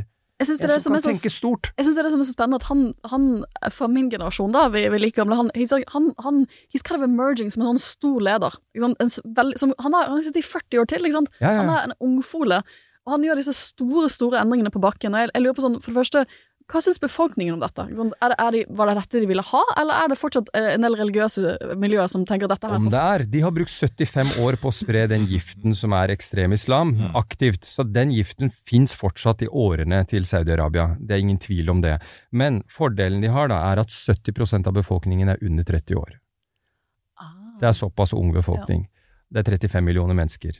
Majoriteten er under 30. Mange av de opplevde vi heier på, spesielt kvinnene. Eh, unge menn heier på dem, men den eldre generasjonen, de har veldig store vanskeligheter med de forandringene. For her har du et styre, en kongefamilie som i 75 år har fortalt menn i det landet at du er sjefen. Du er sjefen på jobb, du er sjefen hjemme, du skal bestemme over kvinner. Og så i løpet av to år så har de fjernet mange av de reglene som ga menn den makta. Og det har den kronprinsen sørget for. Så i den eldre generasjonen så er de i villrede. Hva er det som skjer? Skal kvinnen min skille seg fra meg? Skal hun få barna? Skal hun få toppjobb? Skal hun ha bedre betalt jobb enn meg? Skal de inn i arbeidslivet? Jeg trodde de skulle være hjemme og produsere barn. Ikke sant? Han har jo kastet om på alle tradisjoner og røsket opp i ting, og det gjør at han lever farlig. Han lever farlig i den forstand at han har veldig mange, veldig mange, ikke majoriteten, men veldig mange som er imot ham. Og og så hvis vi da um, prøver å plassere oss i USA da, Mm. sitt hode, og kanskje til og med norsk diplomati, hvordan reagerer du på dette? For du, du sier også han er en diktator. Det er, um, det, det er ikke europeisk demokrati han prøver å innføre, det er mer europeisk eh, levevilkår. Um, så eh, er det noen sånn spesielt grelle eksempler, som, som Khashoggi-drapet, som, jo, som jobbet jo til og med for Washington Mm. Post, også hvor eh, eh, MSB er, er da in, involvert. Eh, MBS, blir det vel. Ja, Eh, og, eh, og, og det, det reagerer man på. Mange mener at man reagerer ikke nok fra amerikansk side. Så, så hvordan, vil, hvordan er det å navigere akkurat dette? hva, det er, det er, et minefelt, Ja. Det er et vanvittig minefelt, for jeg drar Jeg tok en opptelling av de 17 landene jeg har i porteføljen min, eh, som har altfor mange land. eh, røfte jeg sa. 17 land? 17 land. Det er helt umulig er for å meg å med. ja, Skjønner du? Ja. Så er 13 av dem autoritære, semiautoritære land. Rene diktatur til semidiktatur. Eh, Au- Saudi-Arabia er et av dem. Så når jeg drar til et land som det, med de holdningene folk har til Saudi-Arabia, så sliter jeg veldig. Jeg kjenner på det hver sak jeg lager, hvor jeg prøver å få frem nyansene, så sitter frykten for å bli anklagd for å hvitvaske det regimet ganske langt framme i pannebrasken. Ikke sant? Altså, det er noe jeg tenker på hele tiden. Hvordan blir denne saken tolket i Norge? Eh, samtidig så er jeg opptatt av å skildre virkeligheten, virkeligheten på bakken. Så hvis kvinner virkelig har blitt frigjort på en del områder, så må jeg jo søren meg kunne formidle det uten å bli anklaget. Så jeg har bare bestemt meg for at så lenge jeg holder meg til fakta, det som faktisk skjer på bakken, så er jeg trygg, eh, samtidig som jeg får frem eh, menneskerettighetsbruddene. Jeg snakker om det der det er relevant. Eh, så det er utfordringen jeg står oppe i de landene. Men samtidig, for å bare svare på noe av det andre du, du eh, siktet litt til, eh, Saudi-Arabia er et diktatur, det er en vestlig alliert. Eh, samtidig så ser vi at Vesten snakket, brukte store ord etter Khashoggi-drapet. Biden i presidentkampanjen skulle um, Disiplinere han, Ja, ja, ja. Det var, liksom, Ja. det var en pariah state, og det var liksom ganske sterke ord som ble brukt av en amerikansk presidentkandidat. Eh, og så kommer han til makten, og så ser vi ikke noe av den isolasjonen. Og det ender med at han i fjor sommer, eh, fire-fem måneder før mellomvalget, reiser personlig ned på et dagsbesøk til Saudi-Arabia og fistbumper med MBS. Og det han egentlig ber om, er at han skal pumpe opp mer olje for Ja, å stabilisere oljeprisen før mellomvalget. For økonomien vår er mannen som skulle behandle MBS og Saudi-Arabia som en pariah state, eh, går personlig ned dit og trygler MBS om å pumpe mer olje. Hva gjør han dagen etter? MBS sier vi er fornøyd med nivået på oljen i markedet, vi har ikke tenkt å pumpe mer olje, og så annonserer de et mulig samarbeid med russerne. Ja, jeg, jeg Altså, det, var en, det var en ørefik av dimensjoner som han langet ut mot, med, mot verdens mektigste leder. Det er den type selvtillit vi ser fra Saudi-Arabia. Jeg synes det var kjempespennende, for det, jeg tror vi snakket Vi var innom det så vidt på poden, vi hadde jo ikke deg til å virkelig skille, skille bildet på bakken, men, men det var jo sånn geopolitisk, sant. USA kommer Biden kommer personlig. Mm. Det å få en amerikansk president til å komme personlig til et land, det er ikke lett. Ikke sant? De, de, de kommer nok ikke til å besøke de alle Vi kan Jeg tror vi Det sto ikke på planen engang. Nei, ikke sant? Men han, han, han, det er jo valgkamp i USA på det tidspunktet. Han bryter valgkampen for å prioritere å reise hele veien til Saudi-Arabia for å prøve å sikre opp dette. For han, han må jo sikre opp Han vet jo at økonomien, fortsatt økonomien som den er i USA nå, Mm. er, er oljeprisen så høye som de er i USA nå. Dette snakket vi mye om på den. Så er jeg fucked. Jeg er liksom, vi er så screwed vi etter Mm. mellomvalget hvis vi har så høye bensinpriser. Så han reiser hele veien dit. Og gjør fistbump og liksom sier at han har Ja, vi har snakket litt på tomannshånd om denne MBS, liksom, vi har snakket litt om Ja. Khashoggi, men mm. Og så kommer han med et veldig sånn konkret vi, vi trenger dette her nå. Mm. Og så sier de nei. Nei. Og så ikke bare nei, så snakker de med russerne rett etterpå. Det er en veldig stor geopolitisk endring. Det, det er en sånn, Da skjelver det litt i bakken for, for sånn, hvordan maktbalansen i verden henger sammen. For å sette det der i perspektiv, Sofie. Dette er et land som amerikanske presidenter har til tider kunne ringt ned til og sagt nå er vi i en knipe økonomisk, eller vi skal gå inn militært i et land, oljeprisen kommer til å skyte i været, dere må pumpe mer olje, og de har skrudd oljekranene åpne og pumpet olje og stabilisert prisen for amerikanerne. Over telefon! Her har du en president som fysisk besøker en mann som han ikke skulle ta i med ildtang, fistbumper med han, og kommer tomhendt tilbake. På toppen av det så sier den samme kronprinsen jeg skal samarbeide litt med russerne, ja. de dere prøver å isolere litt. Altså det er, jeg, får ikke beskrevet det nok hvor dramatisk endring det er politisk. Også for å toppe det, nå har han jo store ambisjoner om å gjøre Saudi-Arabia til en sånn turistmetropol. Han skal ha 100 millioner turister til Saudi-Arabia innen de neste sju årene. De har 20 millioner nå, så det er femdobling i løpet av sju år. Og det er noen dimensjoner over utviklingen der som er, tar pusten fra deg. Hvordan skal han klare det? Han skal starte et av de største flyselskapene i Midtøsten, i konkurranse med Qatar Airways og Emirates. Han har sett suksessen deres. Riyadh Airways. Hvor skal han få alle de flyene? Følg med på dette. Her, her er hykleriet til Vesten. Eh, en av de amerikanske kongressmennene som kritiserte Trump i harde ordelag, var Lindsey Graham. Han sa eh, etter Khashoggi-drapet at eh, MBS er som en bull in a china shop, og vi må rekalibrere forholdet vårt til Saudi-Arabia, og det var ikke måte på hvordan han langet ut mot, eh, mot kronprinsen for noen år siden, etter det drapet på journalisten. Og nå har MBS lagt inn en bestilling, verdens største bestilling på eh, Boeing-fly. Hvor produseres de? De produseres i hjemstaten til Lindsey Graham. Hvor tok Lindsey Graham turen for noen uker siden? Han dro ned til Riyadh og var der på et tre dagers besøk, og kunne ikke rost MBS nok. Og da sitter folk i Midtøsten og tenker, dette er samme lederne som kritiserte Saudi-Arabia på inn- og utpust da de drepte den journalisten, og nå, fordi de har økonomiske interesser, så strømmer de til eh, de samme diktaturene, ikke sant? Og da trekker man litt på skuldrene når man sitter i muslimske land og sier ok, det er sånn men- menneskerettigheter blir brukt. Mm. Når vi er tjent med det, så, så snakker vi ikke om menneskerettigheter, og når vi ikke har noe å miste, da snakker vi veldig høyt om eh, menneskerettigheter. Det har vel kanskje definert mye av USAs forhold til Saudi-Arabia, som Mm. du sier. Det har vært en såpass viktig eh, oljepartner oljepartner fordi at det, at det har dominert mye av det forholdet som har gjort at de har hatt et annet forhold til Saudi-Arabia enn Ja, ja. de andre landene i Midtøsten. Men jeg, jeg synes som du sier at dette her, altså, Vi snakker jo mye om at ver verdensbildet er i endring, det er ting som skjer nå. For meg er jo den kilden, eh, den, det bildet vi skildrer her av MBS som møter Biden, og så trekker og sier sånn nei. Har ikke Mm. tenkt å, å har ikke, Vanligvis liksom, eh, tidligere ledere ville Mm. gjort det, han kommer ikke til å gjøre det. det er en veldig interessant og Hvis du tenker at MBS er jo halvparten så gammel som Biden, så er det sånn, det er sånn, det er sånn stor er generasjons- og maktskifte på en og samme tid. Så er vi inne i et litt annet type verdensbilde enn det vi var før, og Midtøsten kommer til å spille som du sier, en litt annen type rolle enn det eh, Vesten kanskje har vært vant til Mm. i tidligere år, eh, tiår.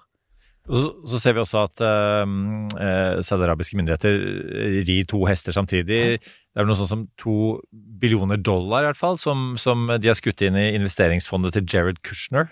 Ikke sant? Så det, der er det noen som, som planlegger for en mulig eh, ny Trump-presidentperiode. Men vi, eh, populærkulturelt også så ser vi jo dette, og, og, og fotball er jo kanskje det, det fremste ikonet eh, i, i verden, som, som, som forener verden. Um, og vi kan ikke komme utenom eh, Qatar-VM og den måten å vise styrke på. Hvis du legger til altså, alle disse klubbene man, man investerer i og er med og, og, og deleier, eh, inkludert eh, Manchester City og Haaland osv. Um, eh, hvordan Hvis vi går tilbake dit, da, rett og til, til Qatar-VM, og hva var det vi så skje da, apropos hykleri i Vesten? Det klareste bildet jeg kan tegne på det hykleriet, er følgende. Det er et, eh, et ramaskrik i Nord-Europa. Jeg sier Nord-Europa fordi resten av Europa var ikke så opptatt av menneskerettigheter under det mesterskapet. Store nasjoner som Spania, Italia, Frankrike var ikke samme debatten der. Dette var et nordeuropeisk fenomen, ledet an av tyskerne.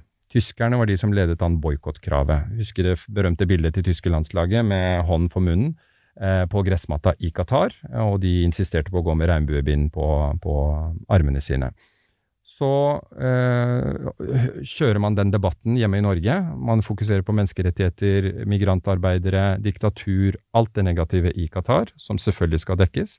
Og tyskerne dundrer på det samme. To uker ut i mesterskapet, hvem kommer på offisielt besøk til Qatar? Det samme landet som bryter de menneskerettighetene man snakket så mye om.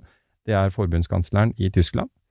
Eh, Olaf Schultz kom på besøk og signerte en 15 års lang gassavtale med de samme qatarerne. Og da sto jeg på bakken i Doha og rev meg selv litt i håret over hvor, hvor hyklersk man kan være.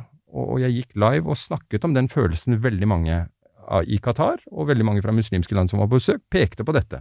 At her har de kritisert Qatar for menneskerettighetsbrudd, men så kommer de løpende når de skal ha gassen. Ikke sant? Så det er det beste eksempelet jeg kan gi på den følelsen veldig mange følte på eh, under eh, Qatar-VM. Her hadde du et mesterskap, Eirik. Jeg kan ikke mye om fotball, men ut ifra alle de, den fansen jeg møtte, ekspertene, kommentatorer fra ulike land som har dekket denne type mesterskap, så var det kanskje tidenes best organiserte mesterskap. Det var tidenes tryggeste mesterskap. Jeg snakket med en vestlig eh, fotballreporter, kvinnelig eh, fotballreporter som har dekket store mesterskap i Europa, som sier at jeg har aldri følt meg så trygg på en fotballstadion under et VM, et stort mesterskap som dette. Jeg så barn, jeg så familier inne i fotballstadion. Alle var trygge. Men kunne jeg formidle det i live-rapporteringen min? Nei, det kunne jeg ikke gjøre, fordi det var ikke rom for det, det var ikke aksept for det, for da blir du anklaget for sportsvasking. Og hva er det vi gjør da? Da driver vi og sensurerer virkeligheten. Er det jobben vår, plutselig? For det drev veldig mange nordeuropeiske journalister, inkludert norsk presse. Jeg syns norsk presses dekning av VM var skandaløst dårlig. Vi så på det mesterskapet med ett øye, fokuserte kun på de kritikkverdige forholdene, og jeg sier ikke at vi ikke skal fokusere på det, selvfølgelig, men du kan ikke drive og sensurere virkeligheten.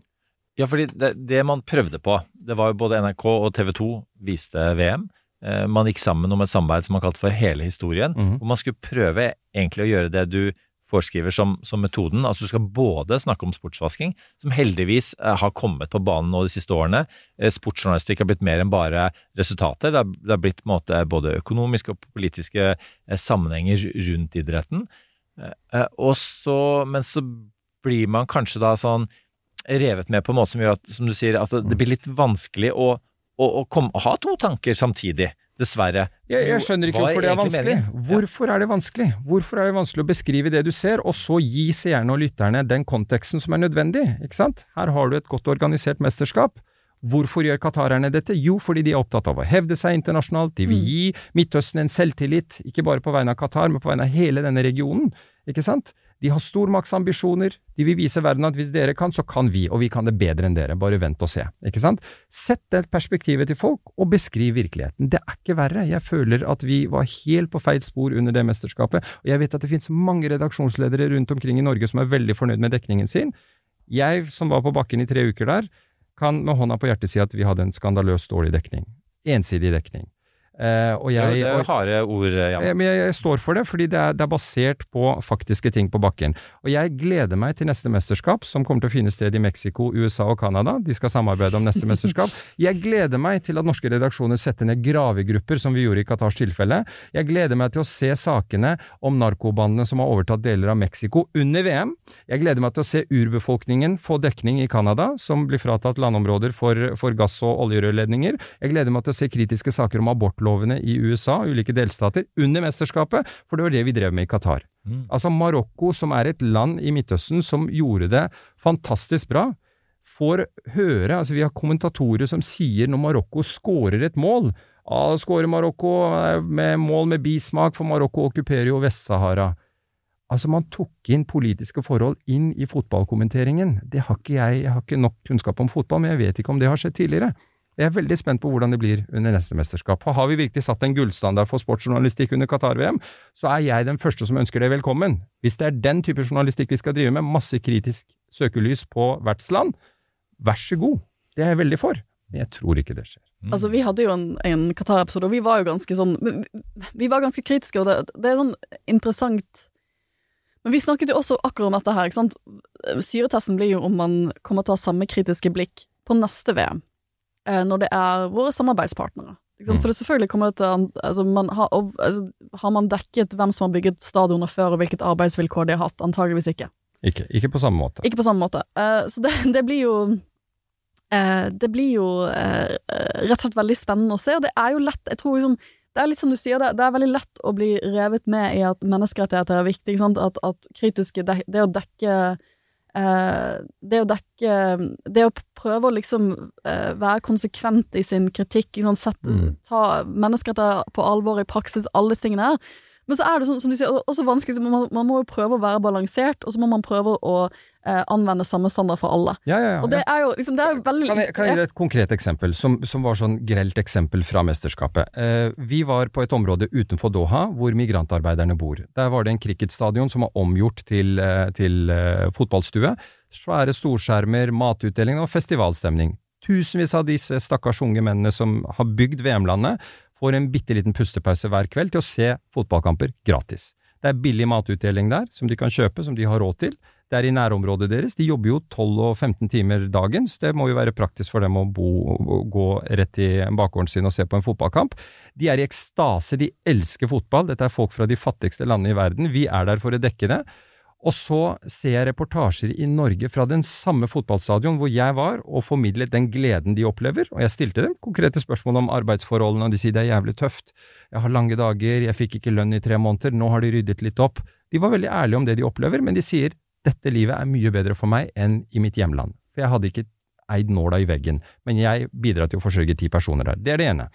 Og så ser jeg reportasjer fra samme stadion hvor vinklingen er her gjemmer Qatar vekk fremmedarbeidere. Da er det kampanjejournalistikk vi driver med. Det er ingen som har tvunget de til å gå der. Det er ingen som nekter de gjestearbeiderne til å dra inn til Doha og se en fotballkamp, men de har ikke råd til det. Det er litt som å si at folk på Stovner ikke henger på Majorstua og spiser på fancy restauranter. De gjør jo ikke det, fordi man har ikke råd til det. Men det er ingen som fysisk hindrer denne gjestearbeideren fra Nepal til å dra inn til Doha. Men han har ikke råd til det, han har ikke tid til det. Ikke sant? Så da er det praktisk for han å dra. Men det ble vinklet om til å tegne et bilde av Qatar som liksom her gjemmer de disse gutta vekk. Og jeg var der, det var ingen som ble tvunget inn i den fotballsalen. Altså, Jeg syns det du sier nå er veldig spennende, for du sier sånn man kan ikke sensurere virkeligheten. Og det, det blir nok mitt sånn vanskelig. og Jeg, skal oppdatere folkerettsforelesningen min for en av Og jeg, i den første for, folkerettsforelesningen så sparker jeg alle veier. Altså, jeg, jeg Mm. bruker jo mye tid på USA-tortur og en del sånne, sånn stand, som, Mm. som Jeg bruker de som eksempler Ja. inn i noen av forelesningene, men jeg bruker også Saudi-Arabia som et eksempel på når man reserverer seg mot ting i en internasjonal eh, traktat, så har de, de har tilsluttet seg til kvinnekonvensjonen, Mm. og så har de lagt inn en sånn generell eh, reservasjon hvor de sier at eh, alt som ikke kommer overens, alle, alle bitene av kvinnekonvensjonen som ikke kommer overens med måten vi tolker islam på, kan vi ikke gjennomføre. Og da, da har jeg vært litt sånn, da, hva, er poenget, hva, er hva er poenget da? Da skaper de et smutthull til seg selv. et, veldig stort smutthull. Ja. Uh, men, men, men, men vi kunne jo snakket mye om at vi har gjort lignende, eller ikke på den type måte, da, men vi har jo lagt inn reservasjoner på traktater, vi også. Men poenget er, jeg skal oppdatere litt rundt dette kvinnespørsmålet, for nå gjør jo MBS mye som, som er musikk i mine ører. Mm. Fra sånn uh, menneskerettsperspektiv for kvinner. Mm. Eh, samtidig som at de det er ikke noe endring der, sånn som jeg skjønner det, på ytringsfriheten. Det er Langt derifra. Det har blitt enda verre. Det har blitt enda verre. Så det, Folk ble ikke fengslet i 34 år for en Twittermelding. Det blir de under hans tid. Ja. Så han har tatt rettigheter med noen, eh, med en hånd, og gitt rettigheter med en annen. Og det er det som gjør, gjør det vanskelig for folk å forholde seg til han, ikke sant? Han, han gir deg friheter som du kunne drømt om for Ja. bare to år siden, og samtidig så kan du bare glemme å nevne navnet hans, annet enn når du skal hylle han, ikke sant? Det er selvfølgelig det er noe vi skal snakke om, og det er noe jeg har rapportert om fra min tur i Saudi-Arabia. Noe av det vanskeligste for meg var å få folk til å si sin ærlige mening. Det gjelder jo alle diktatur. Altså gå på gata i Kina og få folk til å si noe som helst vettugt om, om måten landet styres på. Ja. Takk skal du ha. ikke sant? Det skjer ikke. det. Så det eneste gangen folk sier noe om eh, MBS, er jo når de skal hylle han, ikke sant? Så, så det er en stor utfordring, og det må man selvfølgelig snakke om, og det skal vi sette rette søkelyset på, men det må da for guds skyld være mulig å dekke også de positive tingene. Det gjelder også Kina. Som, Og, og denne nyansen er jo også viktig, for det er jo veldig sjelden slik at, um at et land eh, Jeg tror det også det er nærmest umulig i praksis hvis man skal prøve å, å innføre alle menneskerettsstandarder samtidig på en og samme gang over natten, så er det nesten Det, det kommer nok til å være nesten praktisk umulig. Problemet Sofie, er at vi ser på hele verden med våre vestlige verdiliberale briller, og da blir alt forskrudd. For som, som vi var inne på innledningsvis, verden der ute ser veldig forskjellig ut fra vår virkelighet. Og, og jeg skjønner tanken bak det, men da, da kan du dømme hvert eneste land nord og ned, hvis det er utgangspunktet ditt. Så vi snakker i mediene, i journalistikken, om liksom det å se på ting objektivt og se på ting med friskt blikk. Vi gjør ikke det i praksis. Vi går til disse landene med et tonn med fordommer, og så leter vi veldig ofte, altfor ofte, etter ting som kan bekrefte de fordommene. Og så presenterer vi et ensidig bilde. Og så er det vel også sånn at vi noen ganger forveksler eh, politiske forskjeller med kulturelle forskjeller, som vi, vi dømmer uten å forstå, som du sier, de samfunnene uh, vi, vi, vi dekker. Og fordi altså, vi, vi, vi, vi har ikke den lange erfaringen med det. Uh, og antageligvis Det er en lang vei å gå før man integrerer sportsjournalistikk og Ja, ja. politisk journalistikk, men jeg håper at vi er på riktig vei, i hvert fall. Eller Ja, jeg mener at det. Jeg er håper vi har satt en ny standard. intensjoner Ja, eh, der. Men, men så er det også sånn at, og det har vi også snakket veldig mye om på sant, at en del utslag av demokrati, f.eks. i USA, f.eks. med en Trump, da er det veldig lett for en diktator å bare si til sin befolkning "Nei, vil dere faktisk ha dette her? Mm. Eh, Kongressstorminger eh, og all verdens falske nyheter og løgner. Altså, Hvis det er, er eh, den ytterste konsekvensen av demokrati, er det egentlig noe man ønsker, eller vil dere ha måte stabilitet og bare en, en sånn trygg forvissning om, om at uh, ting blir ordna opp i, eh, uten at dere trenger å involvere dere nærmest? Eh, og, og, og, det, og disse tingene tar tid. Eh, og hvis vi bare går litt tilbake til den arabiske våren, da, jeg var en av de som eh, da var, var jeg død, var permisjon fra, fra UD, første permisjonen min, eh, og var eh, Jeg husker jeg var på sånn fredagspilser med gamle kolleger og var sånn her Men herregud, nå blir det jo demokrati i, i, eh, i Midtøsten. Altså arabiske våren. Så utrolig inspirerende. Eh, Og da var på en måte litt sånn nøkterne UD-diplomater litt sånn kjappe allerede den gangen med å si at ja, vent nå litt. Det kommer i beste fall til å ta veldig, veldig lang tid. Det er ikke en vår hvor, hvor, hvor på en måte en sommer vil bringe eh, demokrati. Eh, altså det, det, og, og, man har jo sett helt tydelig mange tilbakeslag, og, og, og fortsatte tilbakeslag. Jeg var i, i Libya i sju måneder under det opprøret. Jeg besøkte Egypt og var på Tahrir-plassen da folk nektet å forlate den plassen, til tross for at Mubarak, datidens diktator, sendte bøllene sine og prøvde å jage, jage folk vekk. Han sendte til og med folk på kameler eh, med stokker for å kjeppjage folk bokstavelig talt, uten at de eh, flyttet seg. Eh, helt til amerikanerne. Obama så jo på dette i tre uker før han kom ned fra gjerdet. Han så hva som skjedde i Egypt, et vanvittig viktig land for amerikanerne. De har hatt én mann i 31 år som de kan forholde seg til. Det er veldig praktisk for vestlige land å forholde seg til autoritære ledere. Da slipper du debatter i parlamentet over viktige avgjørelser. Da ringer du bare ned til den mannen som du har støttet militært og økonomisk, og sier du, vi skal gjennomføre det her, kan du bare sørge for at det skjer? Og så skjer det. Så Obama satt på gjerdet og så på dette folkelige opprøret, og innså etter tre uker at ok, her kommer det til å ende i et blodbad, og så ga han klarsignal til Mubarak om at din tid er over, nå må, nå må du tre til side. Og da så man at han gikk av. Grunnen til at det ikke lykkes Egypt var et av de landene hvor man så en slags demokratisering, det ble demokratiske valg. Hva endte det med? Som det gjør i mange arabiske land, brorskapet, den fryktede bevegelsen, kom til makta. Det er jo den ene politiske bevegelsen som har grasrotstøtte i mange arabiske muslimske land. Så når du åpner opp for demokrati, så er det de som kommer til makten. Og det gjorde de i Egypt. Hvorfor lykkes ikke de? Først og fremst fordi det er et land som har vært styrt som et diktatur. Det finnes ikke demokratiske institusjoner. Det å bygge et demokrati, det er vanvittig vanskelig, ikke sant? Når regimet i tiår har brukt på undergrave enhver form for demokratisering av samfunnet. Så de hadde en ganske brutal start. De gjorde mange feil. Veldig mye feilpolitikk fra brorskapets side. Men gud, så mye innblanding det var fra utlandet. Fordi de autoritære statene, med Vestens støtte, fra Emiratene, fra Saudi-Arabia, andre land, de ville jo for all del ikke at brorskapet skulle lykkes i viktige Egypt. For hadde de gjort det, så hadde det gitt håp til andre bevegelser i andre land. Så de satte inn alle sine ressurser på å få brorskapet til å gå på trynet i Egypt. Saboterte fra innsiden, støttet hæren, støttet generalene i kampen mot brorskapet. Hva endte det med? At brorskapet kollapset. Generalene, som man jagde vekk et par år tidligere, på Tahrir-plassen, kom tilbake til makten. I dag har de en diktator i Egypt som er langt mer brutal enn Mubarak, som styrte landet i 31 år. Så Der har du arabiske våren. Det er flere grunner til at det ikke lykkes. Det er ikke bare interne forhold, men det er ekstremt mye ekstern innblanding i de landene.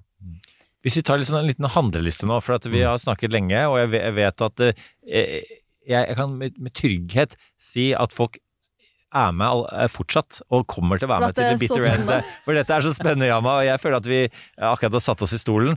eh, Og det er helt fantastisk. Man vil la meg si det allerede nå, kommer sikkert til å si det på slutten nå, og høre deg prate.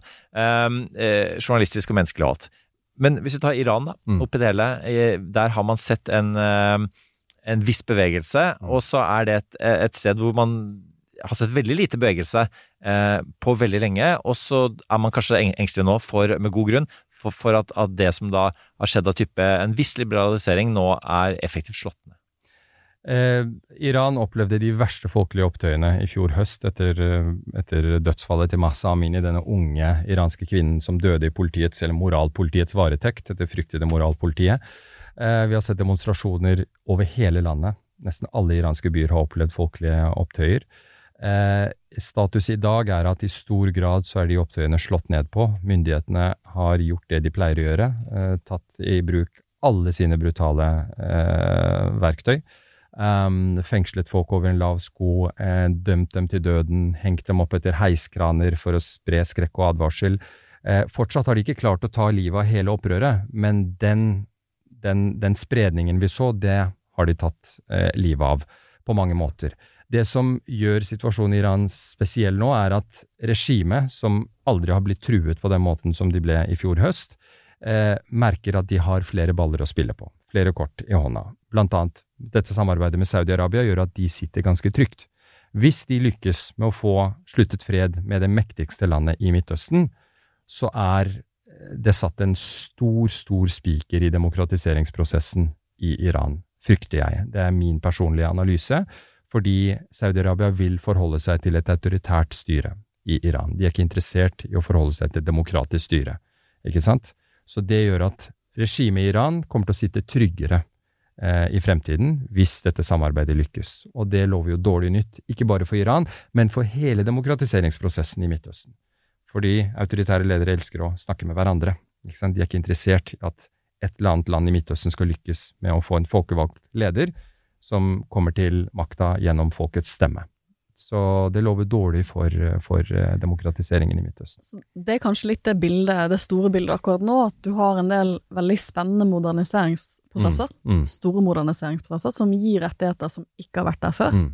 som gir muligheter som ikke har vært der før, eh, som gir en økonomisk vekst som kanskje ikke har vært der før.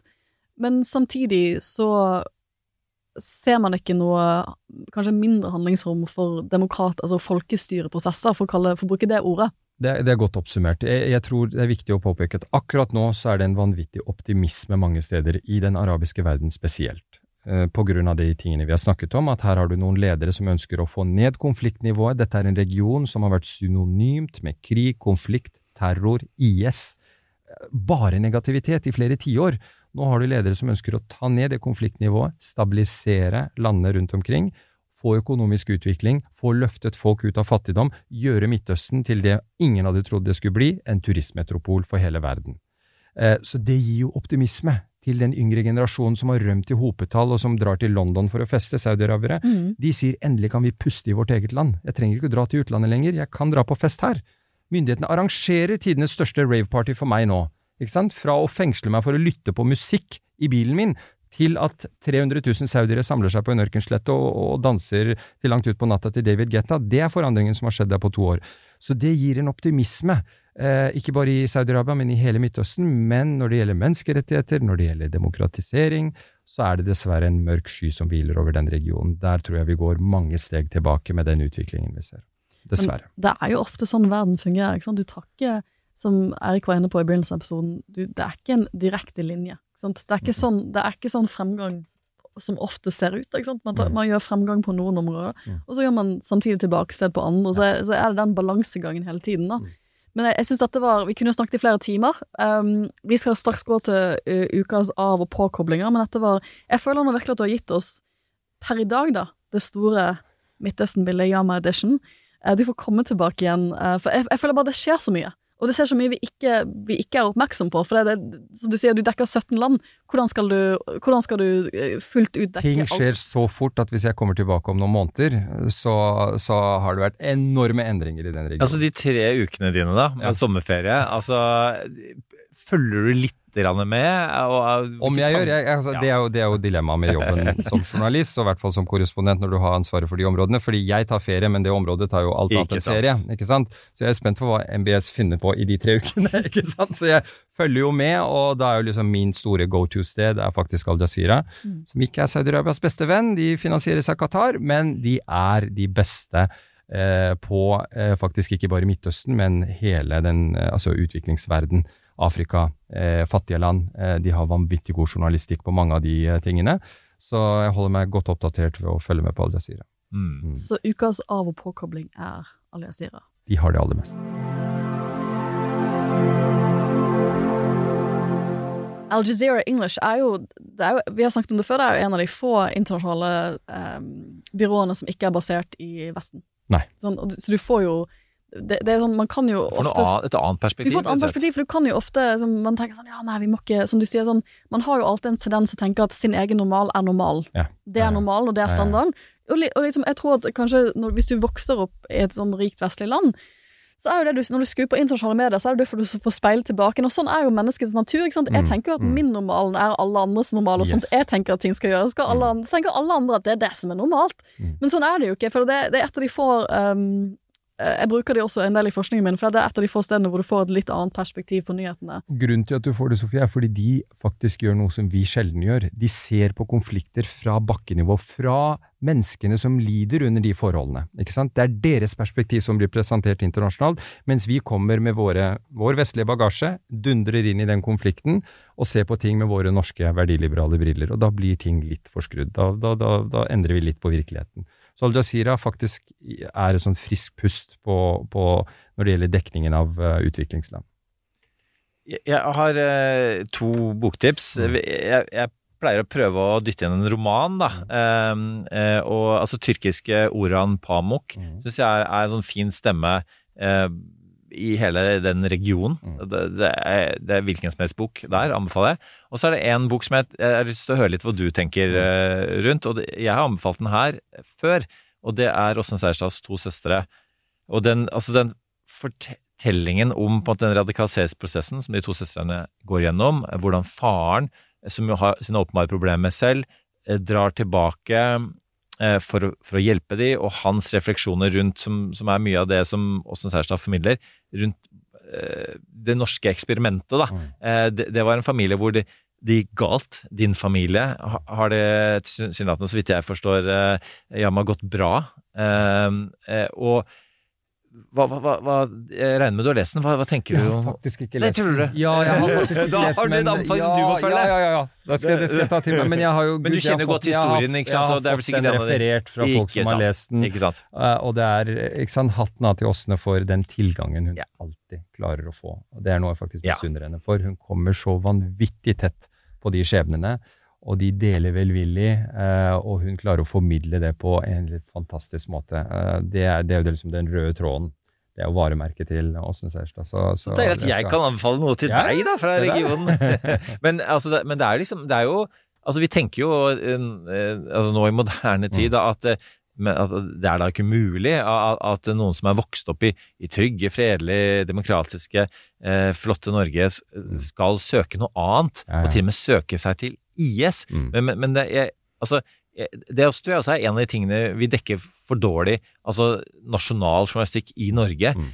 Eh, andre, tredje generasjons eh, innvandrere som eh, er ikke helt fornøyd med hvordan en del ting er i Norge, og, og, og ser eh, inspirasjon andre steder. Mm. Og for meg var det en sånn, også en veldig sånn nyttig påminnelse. Absolutt. absolutt. Og det er, det er jo liksom, Hvis du snakker med folk med innvandrerbakgrunn, og ikke bare innvandrerbakgrunn, men jeg tror veldig mange i Europa eh, føler at liberaliseringen på noen områder har gått for langt, i den forstand at man tenker at man, det er ingen verdier som er verdt å kjempe for lenger. Alt er greit. Eh, det er liksom ingen konstante verdier lenger. Eh, det er ikke ofte jeg siterer Andrew Tate, men, men han er en type som utfordrer de tankegangene og, og det er derfor han får så mye gehør, eh, både i den muslimske arabiske verden, men også blant eh, unge menn i den vestlige verden. Eh, så det er få konstante i, i verden, og det er, det er kanskje en av grunnene til at enkelte muslimer lar seg radikalisere, eh, ønsker å bryte ut av denne utopien vi har skapt her, og søker seg til noe som er helt ekstremt. Det er jo en sånn ytterste konsekvens av den utviklingen vi ser. Så nei, jeg har aldri liksom forstått meg hvorfor, hvorfor de lokkes av det. Ja, fordi de der paradoksene som du var inne på Mm. i stad, som også Putin bruker, Mm. altså demagoger som, som Andrew Tate bruker, altså Mm. det, det blir for lett for dem. Ja, ja. Og Hvis du legger til på en måte eh, TikTok-verdenen da, med, med disse korte videoene som er klippet sammen med ting, altså jeg, eh, ukentlig, Mm. så må jeg inn og gjøre sånn faktisk.no-greier, det er folk som sender meg ting. Ja. Eh, nei, det var ikke sånn eh, den sammenhengen eh, dette sitatet falt. Nettopp, nettopp. ja, det er åpenbare problemer Mm. med, med, med det vestlige perspektivet her. Men, ikke sant? Ikke Og, sant. og det, er, det er jo Du snakker om at det er mange unge, 70, over 70% er under 30 i Saudi-Arabia osv. Mm. Eh, og, og det, er klart at, at, at hvis det er deres mediebilde, Mm. hvis det er alternativet til, til det diktaturet forteller deg, så, så Det er en jobb å gjøre absolutt, for demokratisk absolutt. journalistikk. Om det er, om det er. Men jeg må bare legge til en ting. Det er, det er viktig å påpeke at ja, folk i disse autoritære landene er ofte hjernevasket, for det er jo ikke noe fri presse der, ikke sant. Men vi lever i internettets tid, ikke sant. Folk har verden i sin hule hånd gjennom mobilen. De følger jo med. De får jo med seg hva som skjer og hvordan landet blir omtalt. Likevel så opplever jeg at veldig mange unge mennesker sa til meg at ja, vi vet at han ikke gir oss noe ytringsfrihet. Vi vet at menneskerettigheter ikke eksisterer her. Men vi er så sultne på utvikling. Vi er så Mm. sultne på å kunne bo i vårt land og satse på vårt land og ha en fremtid her. For akkurat nå har det vært sånn at vi tar utdanningene våre her, og så flytter vi til utlandet for å kunne leve livet. Nå ser det ut som vi kanskje kan leve livet også her. Så på kort sikt så er folk optimistiske. Eh, akkurat nå står ikke menneskerettigheter så veldig høyt hos veldig mange av de jeg har snakket med. De er mer sultne på jobbmuligheter, på å komme seg ut av fattigdom, på å skape muligheter for seg selv i sitt eget land. Og så kommer de tingene litt senere, tenker jeg. Jeg skal anbefale den boken jeg da selv ikke har lest, men samboeren min har lest, som heter MBS The Rise to Power of Mohammed bin Salman, som er skrevet av Ben Hubbard og har vunnet en rekke priser. Den kom ut i 2020, så den er litt ga- Den har ikke med seg de siste eh, vridningene, men hvis du har lyst til å lese om hvordan han kom til makten, Mm. hvordan denne, liksom, denne personen som kunne vært en helt ubetydelig ellers, i en annen Mm. historie, vært en helt Mm. ubetydelig prins i en saudiarabisk Blant de setting. 6000 Blant de andre 60 slektningene sine. Det var det første jeg Mm. lærte at vi har jo bare én kronprins i Norge, ikke sant? I Saudi-Arabia så er det veldig, veldig, veldig veldig, veldig, mange um, Det var sånn interessant, den boken, det jeg liksom sett på boken begynner med et sånn, bare sånn maktkart, og bare Ja. skjønne det maktkartet. Var ja, bare ja, ja. ekstremt fascinerende i seg selv. Jeg, jeg er god til når han er ett år eldre enn meg, eh, så jeg har fortsatt tid. Fortsatt tid. Um, men, eh, men virkelig sånn hvis, hvis du tenker på at det er ikke så mange andre fra min generasjon som, som, Mm. som styrer som, som virkelig, virkelig gjør store maktpolitiske grep Mm. i verden. Han er en av de. Hvis du har lyst til å forstå han bedre, så håper jeg at jeg også ligger på stranden og leser den boken når du hører den episoden, kjære lytter. Om det?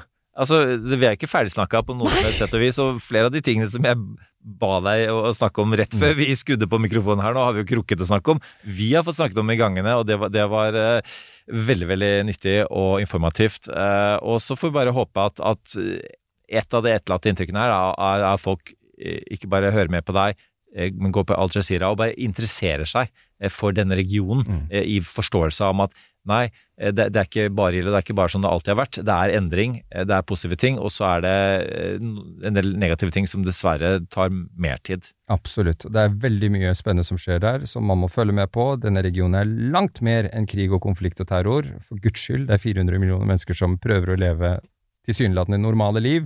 Og jeg er veldig opptatt av å formidle det. Det har vært veldig hyggelig å få delt noe av det jeg har sett de siste årene, og håper jeg kan komme tilbake. Med En liten oppdatering. Er du Du er så hjertelig velkommen, og takk for at du avbrøt sommerferien. Og med det, gode lytter, så ønsker vi de, dere god sommerferie. Dette er det første av fire sommerepisoder. Vi gleder oss til å holde på hele sommeren, Eirik. Vi, vi er tilbake hver uke. Vi er tilbake hver uke. Med fire ferdiginnspilte sommerepisoder. Mm. Og så lyttes vi neste uke. That's enough. Put down the mic. Har du et enkeltpersonforetak eller en liten bedrift? Ikke det? Nei. Nei, men da holder vi det enkelt og gir oss her. Fordi vi liker enkelt. Fiken superenkelt regnskap.